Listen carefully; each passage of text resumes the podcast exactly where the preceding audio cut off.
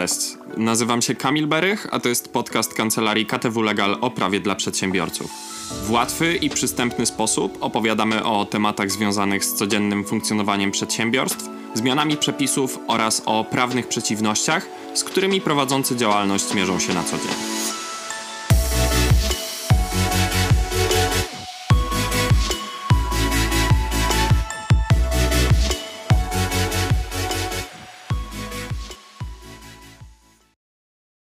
Z dniem 1 lipca 2022 roku wejdzie w życie ustawa z dnia 20 maja 2021 roku o ochronie praw nabywcy lokalu mieszkalnego lub domu jednorodzinnego oraz deweloperskim funduszu gwarancyjnym, potocznie nazywana nową ustawą deweloperską. Ustawa zastąpi w całości dotychczas obowiązującą ustawę z dnia 16 września 2011 roku o ochronie praw nabywcy lokalu mieszkalnego lub domu jednorodzinnego. Nowa ustawa jedynie w części powiela dotychczasowe rozwiązania. Istotną zmianą jest uregulowanie w nowej ustawie kwestii związanych z zawieraniem umów rezerwacyjnych, co może mieć istotne znaczenie dla przedsiębiorców działających w branży deweloperskiej, którzy planują nowe inwestycje. Dotychczas znaną praktyką było zawieranie umów rezerwacyjnych na mieszkania czy innego rodzaju lokale, w której rezerwowano sobie lokal, jaki powstanie po wybudowaniu. No i to była powszechnie stosowana praktyka, gdzie strony korzystały ze swobody w zakresie zawierania umów.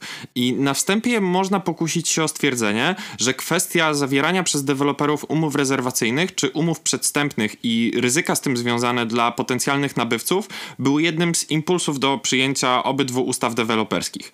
W praktyce obrotu niejednokrotnie zdarzało się, że deweloper na podstawie takich umów, zawieranych w zwykłej formie pisemnej, a więc bez zachowania formy aktu notarialnego, otrzymywał od nabywcy całość lub istotną część ceny jeszcze przed rozpoczęciem inwestycji deweloperskiej. W przypadku problemów finansowych, niedokończenia inwestycji czy upadłości dewelopera, środki wpłacane przez nabywców nie podlegały żadnej dodatkowej ochronie prawnej, a ich odzyskiwanie było niezwykle utrudnione albo nawet niemożliwe. Teraz pojawia się pytanie, co musi obecnie zrobić deweloper, aby móc pobrać od nabywcy całość lub część ceny na poczet zakupu mieszkania. I zgodnie z obowiązującą obecnie ustawą deweloperską, jednym ze składników wyróżniających umowy deweloperskie od innych umów jest zobowiązanie się nabywcy do spełnienia świadczenia pieniężnego na rzecz dewelopera na poczet ceny nabycia lokalu mieszkalnego czy też domu jednorodzinnego.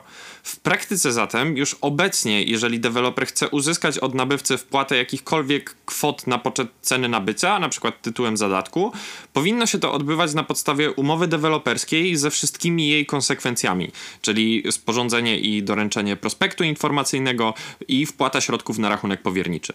Jedyną zatem prawnie dopuszczalną możliwością pobrania od nabywcy jakichś kwot na etapie przed zawieraniem umów deweloperskich było pobieranie ich jako opłat rezerwacyjnych, czyli wynagrodzenia za usługę rezerwacji danego lokalu. Pociągało to dla dewelopera negatywne konsekwencje podatkowe, między innymi w postaci innej stawki podatku VAT dla wynagrodzenia za usługi i dla wynagrodzenia z tytułu sprzedaży lokali. Faktycznie zatem rozwiązanie to sprawdza się do pobierania od nabywców relatywnie niewielkich kwot.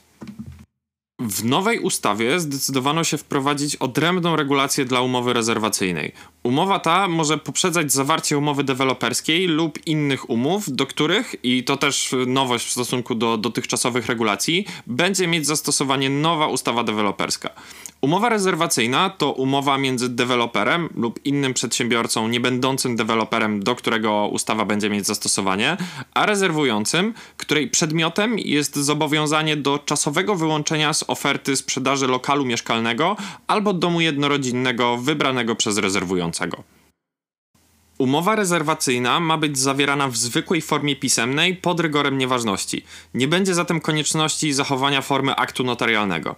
Z istotnych postanowień umowy rezerwacyjnej należy zwrócić uwagę w szczególności na obowiązek wskazania ceny lokalu mieszkalnego czy też domu jednorodzinnego, opłaty rezerwacyjnej, chociaż to nie jest element obligatoryjny, daty, do której lokal mieszkalny lub dom jednorodzinny zostaje zarezerwowany oraz parametrów technicznych tego lokalu albo domu. Umowa ma być zawierana na czas oznaczony, przy czym ten czas powinien być wystarczający do uzyskania przez nabywcę decyzji kredytowej lub przyrzeczenia udzielenia kredytu, o ile oczywiście będzie się starał o zewnętrzne finansowanie. W praktyce zatem konieczne będzie uzyskanie takiej informacji od rezerwującego i uwzględnienie jej przy określaniu czasu, na jaki umowa ma być zawarta. Pojawia się pytanie, czy deweloper dowolnie może ustalić wysokość opłaty rezerwacyjnej. Ustawodawca w ścisły sposób oznaczył maksymalną wysokość opłaty rezerwacyjnej, do pobrania której uprawniony będzie deweloper. Opłata rezerwacyjna nie może przekraczać 1% ceny lokalu mieszkalnego albo domu jednorodzinnego określonej w prospekcie informacyjnym.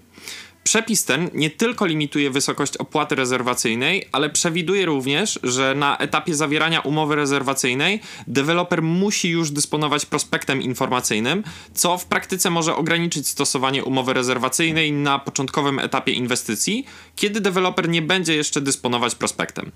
Ponadto w przypadku dokonywania zmian w prospekcie lub w jego załącznikach po zawarciu umowy, deweloper ma obowiązek informować o nich rezerwującego w sposób im umożliwiający zidentyfikowanie tych zmian i wskazując właśnie czego ta zmiana dotyczy.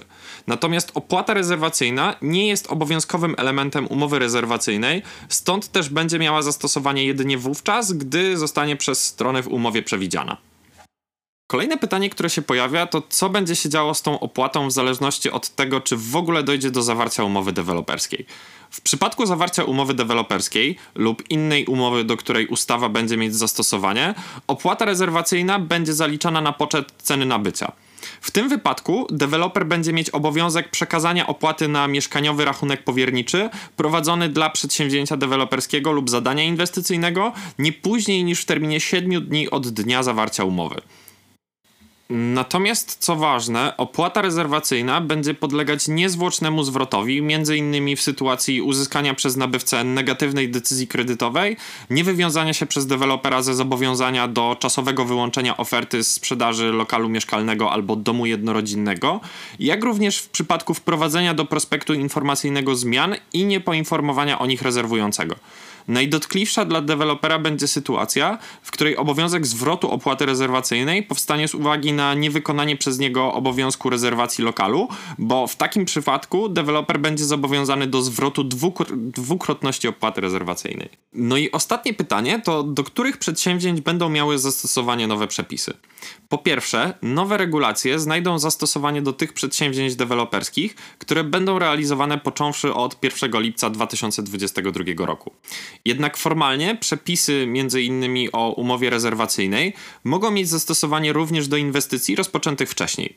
Przepisy przejściowe przewidują, że do przedsięwzięć deweloperskich, w przypadku których rozpoczęcie sprzedaży nastąpiło przed 1 lipca 2022 roku i przed tym dniem zawarto co najmniej jedną umowę deweloperską w rozumieniu dotychczasowej ustawy, w okresie dwóch lat od dnia wejścia w życie nowej ustawy, a więc do dnia 30 czerwca 2024 roku, stosuje się przepisy dotychczasowe oraz niektóre wybrane przepisy nowej ustawy. Jeżeli zatem w takich przedsięwzięciach od 1 lipca 2024 roku zajdzie potrzeba zawarcia umowy rezerwacyjnej, wówczas zastosowanie znajdą nowe przepisy. Podsumowując, umowa rezerwacyjna będzie mieć najczęściej zastosowanie wtedy, kiedy rezerwujący będzie starał się o finansowanie. Wówczas umowa zagwarantuje mu możliwość zarezerwowania lokalu bez negatywnych konsekwencji w postaci np. utraty wpłaconej opłaty rezerwacyjnej, jeżeli uzyska negatywną decyzję kredytową. Natomiast nowa ustawa deweloperska nie przewiduje w zasadzie sankcji po stronie rezerwującego w przypadku, kiedy do zawarcia umowy deweloperskiej lub innych umów nie dojdzie z przyczyn przez niego zawinionych. W przypadku jakichkolwiek pytań związanych z nową ustawą deweloperską lub z umowami rezerwacyjnymi, serdecznie zapraszamy Państwa do kontaktu z specjalistami z kancelarii KTW Legal.